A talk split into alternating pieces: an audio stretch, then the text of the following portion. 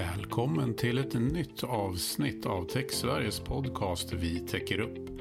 Som släpps på den internationella kvinnodagen den 8 mars 2022.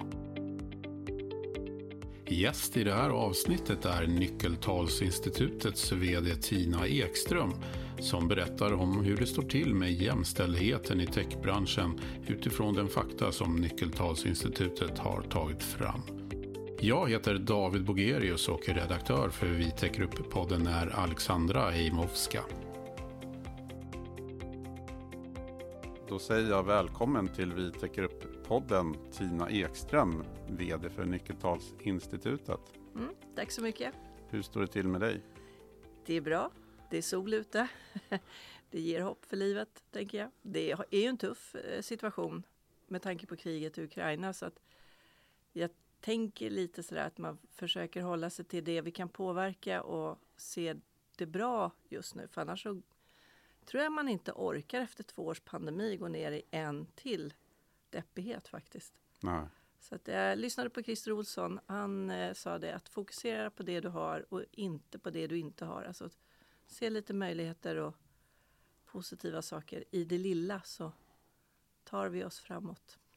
Kan du eh, berätta lite kort bara om dig själv. Vem är Tina Ekström? Vem är Tina Ekström? Ja, nej, men jag har ju det hedersamma uppdraget att vara VD på ett extremt nördigt litet bolag som heter Nyckeltalsinstitutet med fantastiska hjärnor som älskar siffror på det mjuka. Alltså om medarbetarna är den viktiga resursen så måste vi ta fram vad är de värda då och inte bara prata i kostnader.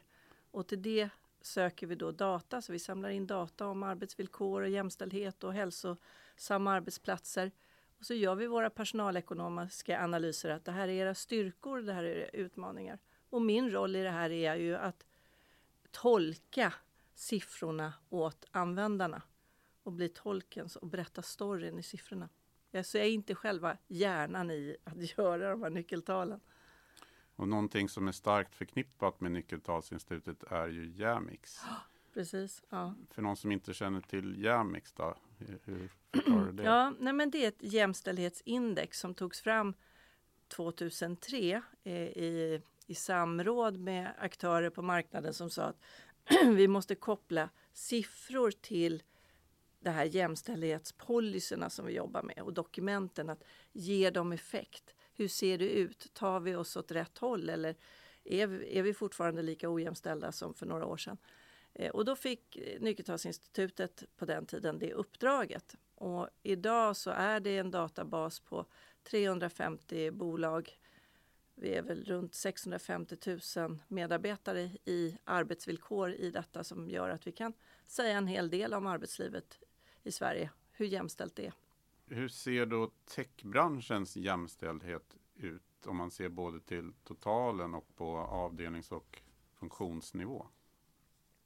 Alltså om vi bara pratar strukturer, kvinnor och män, eh, för det är det som vi säger i jämställdhet nu då, så är det ju för få kvinnor i branschen. Så att vi ligger på runt 30-70 i grundstrukturerna. Eh, och tittar vi internt i verksamheterna så har vi problem med att få, få en blandning. Så att kvinnorna de hamnar på HR och kommunikation och kundservice och männen går en annan väg internt i bolagen. Så att eh, även om grundstrukturerna går åt rätt håll så är det fortfarande ganska uppdelat inom verksamheterna. Och för branschen också då, vilket syns i lönestruktur, nyckeltal till exempel, att män har en viss typ av roller med en helt annan lönenivå i techbranschen än vad kvinnor har. Eh, vilket signalerar om att vi måste skaka om de där strukturerna och inte gå de traditionella vägarna. Helt enkelt. Bortsett från lönenivåer och så då, finns det fler negativa följder av att det blir den här uppdelningen? Ja, alltså det är klart, det blir ju inte samma karriärmöjligheter kanske för kvinnor och män, löneutvecklingen. Men jag tänker för verksamheten så är det ju aldrig bra att ha homogena strukturer. Så att eh, för verksamheten är det ju viktigt att, att nå de här blandade grupperna med olika perspektiv, olika bakgrund, kön, ålder, kompetenser. Så att eh, allt för uppdelade enheter gynnar ju inte verksamhetens övergripande resultat. Vad finns det för fler utmaningar för techbranschen i frågan? Ja, alltså i jämställdhetsfrågan så är det att få in fler kvinnor. Och få så. Annars är ju branschen en jämställd arbetsbransch att jobba i. Det är en otroligt attraktiv bransch att jobba i för män och kvinnor. Eh, det är bra arbetsvillkor, det är friska tal, det är höga frisktal, det är låga sjuktal. Även om kvinnor har, även i den här branschen, mycket mer långtidssjukfrånvaro än vad männen har, så är det på låga nivåer. Och det indikerar inte att det är någon form av arbetspåverkan utan det är den långtidssjukfrånvaronivån som man kan räkna med för vi blir sjuka. Eh, det är snarare så att män har kanske orimligt låg långtidssjukfrånvaro egentligen. Eh, de kanske borde vara lite mer sjuka. Vad, vad kan det här bero på? Vi tror att det är, alltså, eller tror, vi ser ju att man har väldigt små arbetsgrupper per chef. Alltså man snittar en sju, åtta medarbetare per chef i snitt. Då. Så, och det är huvudnyckeltalet är väldigt mycket i att lyckas hålla nere sjuktalen, hålla uppe frisktalen. Eh, och sen att man har bra anställningsvillkor, trygga anställningsvillkor. Eh, man har en hög andel distansarbete. Det påverkar ju flexibiliteten, man kan hantera sin sjukfrånvaro på ett annat sätt. Eh, så att, ja, det, det är bra att jobba i branschen. Det är bara för få kvinnor. Vi måste få in fler. Ser du några fler möjligheter som finns i branschen som inte utnyttjas fullt ut? Jag tänker så här att, att det är ju en bransch som har en stark tillväxt. Så att, att möjligheten att rekrytera och få in fler kvinnor, den är ju god. Eh, sen behöver vi ju titta på att, att om vi då ska uppnå någon mål om 50-50 så behöver ganska stor andel av dem vi plockar in varje år vara kvinnor. Eh, men möjligheten är ju att, att det står ju inte still som hos andra. Då är det ju svårt att förändra strukturer om vi inte har någon omsättning. Sen har man ju en, kanske en för hög omsättning av medarbetare, så en hög turbulens. Avgångstalen är, tycker vi, lite väl höga även under pandemiåren. Det indikerar att det fortfarande finns gott om arbete och, och en hög konkurrens. Så att uh, möjligheten är att jobba internt att få medarbetare att stanna kvar i högre grad och utvecklas internt. Och göra de här karriärvägarna både horisontella och, och i ökat ansvar och bli chef. Alltså ta vara på kompetensen, utveckla den internt. Det är den stora möjligheten, tycker jag. Kan du säga någonting om utvecklingen då över tid framåt jämfört med andra branscher? Hur ser den ut? Alltså, branschen har ju hela tiden varit mer attraktiv, en av de mest attraktiva att jobba i. Alltid legat högt. Och det har väl sin historik, historik i att, att det varit mycket män i branschen. För det ser vi ju, de mansdominerade branscherna har ju historiskt sett bättre arbetsvillkor. Sen har den här branschen varit mycket bättre på att plocka in fler kvinnor. Det är några branscher som sticker ut och det är elenergi och det är IT och telekom. Det är branscher som har förstått vitsen av att få in mer mångfald, bli mer jämställda. Så att utvecklingen går åt rätt håll och man ligger högt och lite före hela tiden i att vara attraktiva. Eh, ja, du var inne på det, att det är en frisk bransch och så. Men hur tycker du att branschen som arbetsgivare är i stort? Nej, men den är bra. Man har, alltså, vi har ju för få kvinnor. Men om vi tittar på strukturen och karriärvägarna så den interna karriärmöjligheten och den interna rekryteringen är ju jämställd. Kvinnor och män har lika möjligheter internt att bli chef och gå vidare i olika karriärvägar. Så att de kvinnor vi har tar vi hand om på lika bra sätt som vi tar hand om männen. Eh, sen är det ju bra, bra lönenivåer. Det är goda arbetsvillkor. Eh, arbetsmiljön indikerar inte... Det enda man kan fundera på och som vi är lite fundersamma på det är kompetensutvecklingen. Vi mäter ju den i form av tid. Och vi kan väl ändå tänka sådär att det här är en bransch som det hela tiden krävs ny kompetens och utveckling. Och här ligger branschen lågt. i, vi satsar ungefär tre dagar per medarbetare och år i kompetensutveckling. Det är lika mycket som vi är sjuka. Så att, eh, och det är lite lite kan vi tycka i en sån här bransch. Och då kan det bero på två saker. Att vi inte har koll på allting vi gör. Så att det, vi gör mer än vad vi ser i systemen. Eller att vi inte har lyft frågan att lägga en större plan på den här reskillingen som vi pratar om. Eh, och, och ja, inte hunnit med den frågan helt enkelt. Så där finns det en möjlighet. Och det tror jag skulle göra att den här branschen blev ännu mer attraktiv för både män och kvinnor. Men om man inte riktigt har koll på de här olika aspekterna och följderna då, varför är det egentligen viktigt då i stort med en jämn könsfördelning? Det finns mycket forskning på det här och Gabriella Fägelin har gjort ett fantastiskt jobb att sammanställa det mesta. Och tittar man på, på hennes sammanställning så ser vi att ja, men det finns de som visar att det inte är viktigt och det finns de som visar att det är viktigt. Så någonstans grundar det sig i vad vi har för syn på saker och ting. Vår syn är att män och kvinnor är lika kompetenta.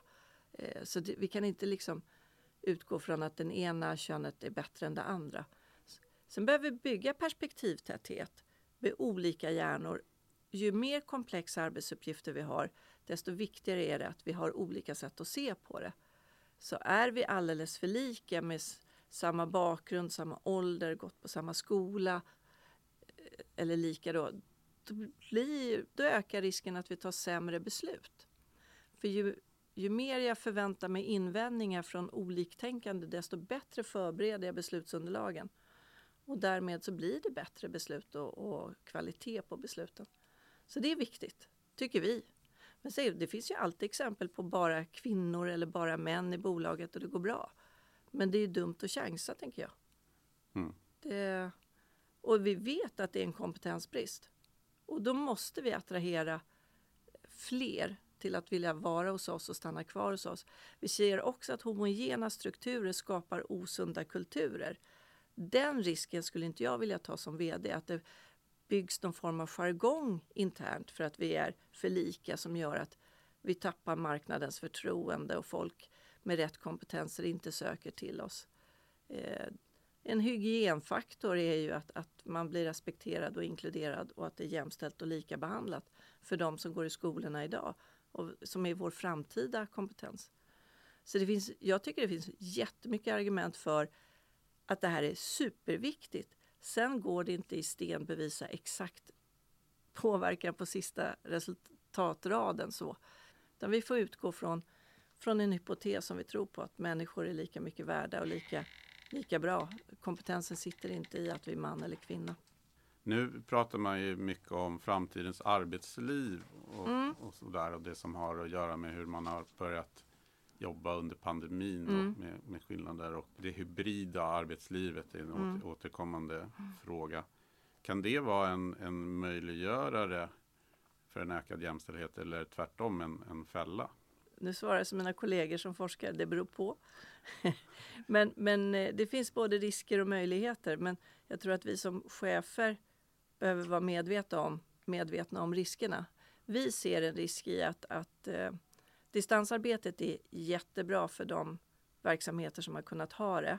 För medarbetarna upplever ändå en lättare balans i livet. Eh, men sen när vi har gjort djupmätningar under de här två åren så ser vi också att i situationer där en man och en kvinna jobbar på distans, inte samma arbetsgivare, barn på förskolan, barnen kommer hem från förskolan, förskolan är stängd eh, och man kan inte koppla in den externa hjälpen man har haft förut med farfar och mormor och så. Eh, då har det varit i högre grad kvinnan som tar ut föräldraledighet. För det går inte att ha två på distans hemma och barn. Eh, så vi ser att uttaget för föräldraledighet har ökat mer för kvinnor än männen under de här två åren. Det är en sån där liten signal. Och sen finns det då en oro för att om de som nu väljer att vara på distans är, eh, övervägande kvinnor. Det finns en risk i att man på arbetsplatsen som är IRL i stunden ser de som är närvarande som resurserna och glömmer bort de här som är på distans. Och om det då är mer kvinnor på distans så finns risken att, kvinnor tappar sina utvecklingsmöjligheter för vi har dem inte i närminnet. Eh, så det, det blir, kan bli en sån fråga för jämställdheten att ja, det kanske drabbar kvinnor mer då om de är för mycket på distans, att man glöms bort lite. Och att man då försöker ta mer ansvar för både privat och arbetsliv för att jag jobbar ju hemma. Och då passar jag på att tvätta och vattna blommorna och fixa allting också. Eh, det är den där risken vi ser. Mm. Samtidigt så är ju distansarbetet ett, en bra möjlighet att få den här flexibiliteten, gummibandet i livet som man behöver för de verksamheter som klarar det. Vi ser ju att distansarbetet blev ju vattendelaren i arbetslivet under de här två åren. De som har jobbat på, på plats har ju haft helt andra sjuktal, alltså helt annan arbetsmiljö än, än vad de som har haft på distans har varit. De har ju klarat sig mycket bättre. Mm. Och där har löneutvecklingen varit högre och ja, det har skett saker. Mm. Så, mest män med högre lön som trivs bäst på distans då, när vi har gjort de där undersökningarna till exempel. Så det, ja, det finns risker med det men, men absolut att det är en viktig faktor för att vara en attraktiv arbetsgivare också. Så att hantera den varsamt och inte tappa bort de som är hemma. Enligt nyckeltalen i det attraktiv arbetsgivarindex som Nyckeltalsinstitutet har tagit fram har techbranschen stadigt legat en bra bit över genomsnittet för alla branscher sedan 2017. Jag tycker att, att vi behöver liksom sträcka lite på oss i den här branschen och vara stolta och titta på, på möjligheterna för det är en väldigt attraktiv bransch att jobba i. Eh, för både för män och kvinnor. Och, och när vi pratar jämställdhet så, så är det ju både män och kvinnor. Så att möjligheten att locka till sig lika många av båda är stora. För vi, har, vi har bra arbetsmiljöer, vi har bra utvecklingsmöjligheter. Vi har bra strukturer i att hur vi organiserar ledarskapet. Det är det som signalerar är att det är avgångarna då som signalerar att det är en hård konkurrens om kompetensen. Vilket bara ger det ännu mer mm, ekonomiskt fördelaktigt om vi kan jobba med intern utveckling, reskilling och se till att man gör de här interna rörelserna istället för att välja extern ny arbetsgivare. Då. Så att överlag så har ju branschen legat högt och den går åt rätt håll och den tog även ett litet steg att bli ännu mer attraktiv än svenskt arbetsliv överlag det här första året i pandemin 2020. Alla andra tappade ju. Men det gjorde inte den här branschen. Mm. Ligger kvar högt. Och till stor del var distansarbetet en möjliggörare för det.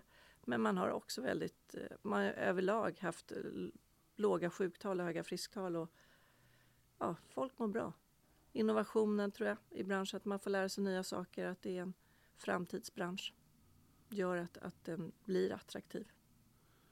Många företag har ju ett 50-50 mål då när det gäller andelen mm. kvinnor och män. Och, eh, men frågan är ju hur, hur når man dit? Vad är det som man kan göra för att faktiskt komma upp dit? Mm. Om vi bara tittar till siffrorna, så vad som hänger ihop med vad, så är ju en viktig sak om vi nu ska nå det här 50-50 eller 40-60 beroende på vad vi har för mål, är ju att, att Grupperna är jämställda. Att vi har lika många män och kvinnor i dem. Där börjar det. Och där ligger vi alldeles för lågt i den här branschen. Det är alldeles för många män i ledningsgruppen. Och det är ju faktiskt en fråga som vi som företag kan påverka. Vi väljer ju ledningsgruppen. Eh, så styrelsen kan vara svårt att välja för det är ju en ägarfråga. Men högsta ledningsgruppen, och det är viktigt för den här frågan. Eh, för det påverkar allt vi gör. Och sen får man ju bara bestämma sig som ledningsgrupp att det här är en strategiskt viktig fråga för framgång. Den ska vi jobba och leva i vår vardag. Eh, det kan inte vara en, en PK-fråga som vi har på agendan och så kan vi bocka av den. Liksom. För det har vi ju sett att vi har ju samkört alla aktiviteter vi jobbar med enligt lagstiftningen i diskrimineringslagen. Vad av det påverkar vår jämställdhet? Ingenting. Det betyder inte att vi inte ska följa lagen, för lagen är en viktig markering att det här är viktigt. Men det krävs mer än så för att bli jämställda. Vi måste leva i detta som att det är, det är en viktig eh, fråga för oss i vardagen och titta på ledarskapet, titta på kulturer. behöver vi marknadsföra oss och påvisa våra styrkor som arbetsgivare. Eh, vi behöver attrahera. Vi behöver titta över våra rekryteringsprocesser. Är de exkluderande? Eller är de inkluderande? Vad av alla de där kraven har vi gör att vi får en viss typ av inriktning på de som söker? Eh, påverkar det? Vi behöver titta på våra avgångstal. Är det minoriteten som slutar? Då har vi ett problem. Vi behöver titta på de som väljer att stanna kvar. Varför vill ni stanna kvar? Eh, och följa upp det. Men helt klart sitter det ju i rekryteringsprocesserna en stor utmaning för om vi ska nå de där målen då behöver mellan 60 70 procent av de vi rekryterar vara kvinnor. Så att eh, det krävs att vi tänker igenom det. Men min första tanken är, är, är högsta ledningsgruppen. Definitivt. Mm. I ett större perspektiv pratar man ju också om för höga trösklar tidigt i livet. Att mm. redan i tonåren så väljs techbranschen bort på grund av att det, det är, för, att det kan, matten som krävs eh, mm. för många i, yrken inom branschen är, är för svår. Finns det politiska åtgärder som du ser som kan sättas in för att dra sitt strå till stacken? Men det är klart att det finns eh, massa möjligheter för samhället att gripa in. Vi har ju, vi har ju branscher som, som inte har någon framtid, där det finns mycket kvinnor. Eh, I servicebranschen till exempel, som nu när vi hade den här enorma nedgången. Att, att eh, omskola dem på olika program, att få dem att, att byta bransch. Vi har en sån kollega hos oss, Karin. Hon kom ju från restaurang och resebranschen och gjorde själv en, en, en växling och blev sen IT-chef på ett system, mjukvarusystembolag. Eh, och hon gick ingen skola utan de gjorde, gjorde satsningen på henne internt och hon fick plugga och gå parallellt och lära sig ett helt nytt yrke. Eh, så att den här förflyttningen mellan branscher där vi har överflöd och där vi, till branscher där vi behöver tror jag där behöver väl politiker gå in och se vad kan vi stötta i det. Då? Och där finns det ju förslag idag med att man ska kunna plugga upp till 62 års ålder eller vad det var nu med, med studiestöd och byta inriktning. Så det, det tror jag att vi kan göra, absolut. Och sen så behöver vi jobba med drömmar när barnen är unga i skolan. Eh, och titta på att våga drömma om andra yrken än de traditionella. Och då tror jag att det är viktigt att man får praktisera så man får prova på. Eh, och vara mycket ute och titta. Vi vet att vi lys lyssnade på för några år sedan i Almedalen, det känns som länge sedan nu, men det var en, en kvinna där som hade blivit årets kraftkvinna. Hon berättade att hon hade inte valt el och energibranschen som det var i det här fallet då, eh, om inte hon hade provat på praktikplatsen när hon gick i åttan. För hon ville bli hårfrisörska, det var hennes dröm. Men hon fick betald praktik och det gjorde att hon valde och helt plötsligt hittade hon sitt drömyrke. Och sen så behöver majoriteterna, tror jag, männen i det här fallet, fundera på vad de kan bidra med för att bjuda in. För det är svårt att det är minoriteten hela tiden som ska slåss för sin plats. Vi måste vända på det mm. och prata om så att alla är med på det. Och förebilder också tror jag mm. kan vara viktigt. Att man ser att hon eller han, hon eller han kunde. Ja. Och, och varför ska inte jag då kunna? Ja, verkligen. Så det finns nog en hel del som, som vi via politiken kan stötta i. Jag tycker också att Tech Sverige gör mycket bra saker och, och, och, lyfter de här frågorna. Så att som arbetsgivarorganisation så är, det ju, är de ju absolut aktiva i den här frågan. Jag, jag vet inte om ni har läst den här Toxic Culture? Nej. Rapporten jätteintressant. Eh, The Great Resignation om hur det 2021 i USA har slutat enormt mycket människor på egen begäran trots att de inte har något annat arbete. När man har gått djupare i det så ser man då att ja, men orsak, den främsta orsaken är den här osunda kulturen. Där man säger att man blir inte respekterad, det råder, råder ingen jämställdhet, det råder, råder ingen likabehandling. Eh, ja, det är en osund kultur som man inte står ut med, som man väljer att sluta. Eh, och tittar vi på, och så tittar de lite djupare på så här att ja, då är det viktigt att man ska kunna få utvecklas för att vilja stanna kvar, alla ska behandlas lika och så. Men så tittar de då på de här höginnovativa bolagen som Tesla och några till. Och även de har drabbats av höga avgångstal. Eh, Och de har ju verkligen en bransch som växer och teknisk utveckling och det finns massa möjligheter. Men då landar det i att det är inte värt det. För det blir för långa arbetsdagar, det, det blir för hög press att jag måste hela tiden hålla min kompetens top notch för att vara anställningsbar internt, jag ska leverera i tid, jag ska komma på något nytt. Alltså pressen gör att man inte vill mm. stanna kvar. Så det finns ju en utmaning i det här att, att få ner turbulensen. Och då tänker jag techbranschen, vi ska ha ett webbinarium om det här den 11 mars med Anna Androvic eh, och våra forskare. Titta på vad kan vi lära oss av den där rapporten för, för techbranschen då? För den är ju en av våra mest innovativa branscher. Och då gäller det ju att få ner turbulensen i den här branschen och sen blanda upp strukturerna så de här osunda kulturerna inte får fäste med jargonger för att vi bara är kvinnor eller bara män. För det är lika mycket osund jargong bland bara kvinnor. Yeah fast det finns mest forskning på bara män. Jag tror att man behöver liksom se över det här whyet så att vi inte blir för uppdelade. Jag tror att det är nyckeln till framgång.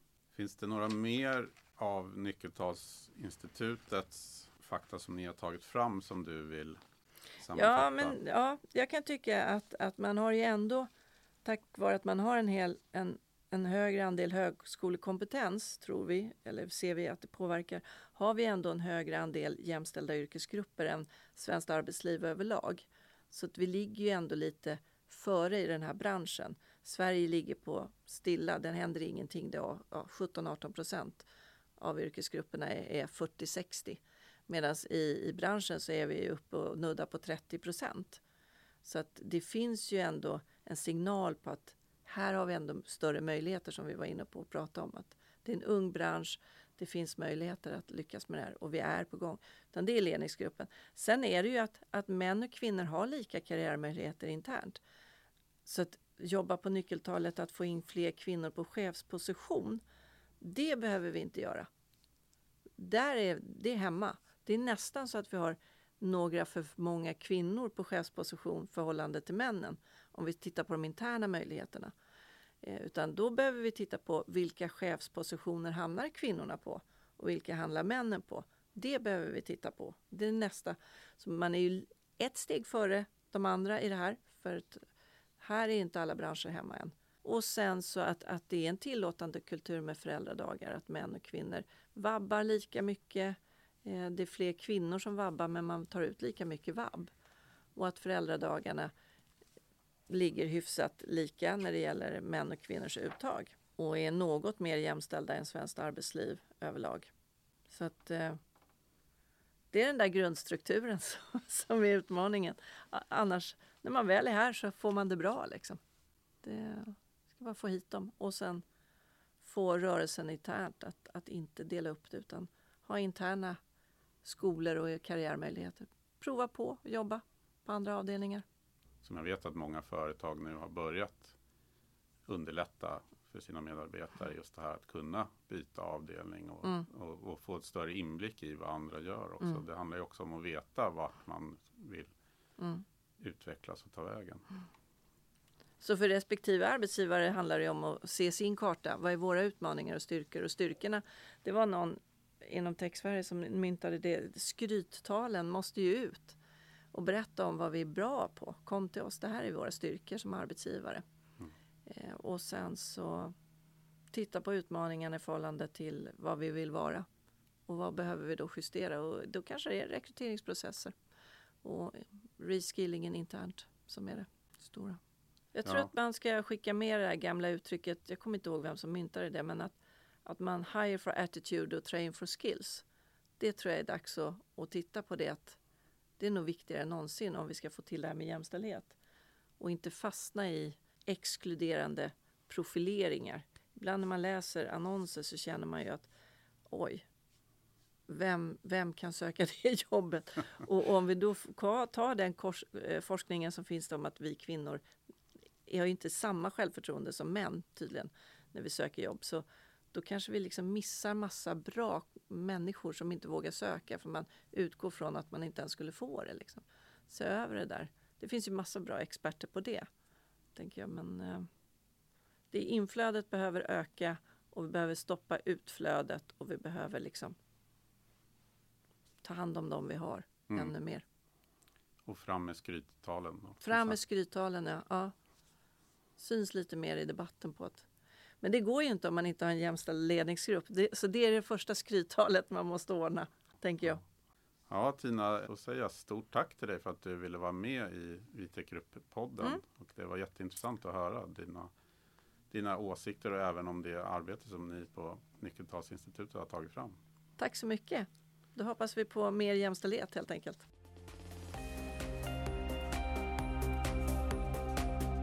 Du har lyssnat på det tolfte avsnittet av Vi täcker upp-podden som gästades av Tina Ekström, VD på Nyckeltalsinstitutet.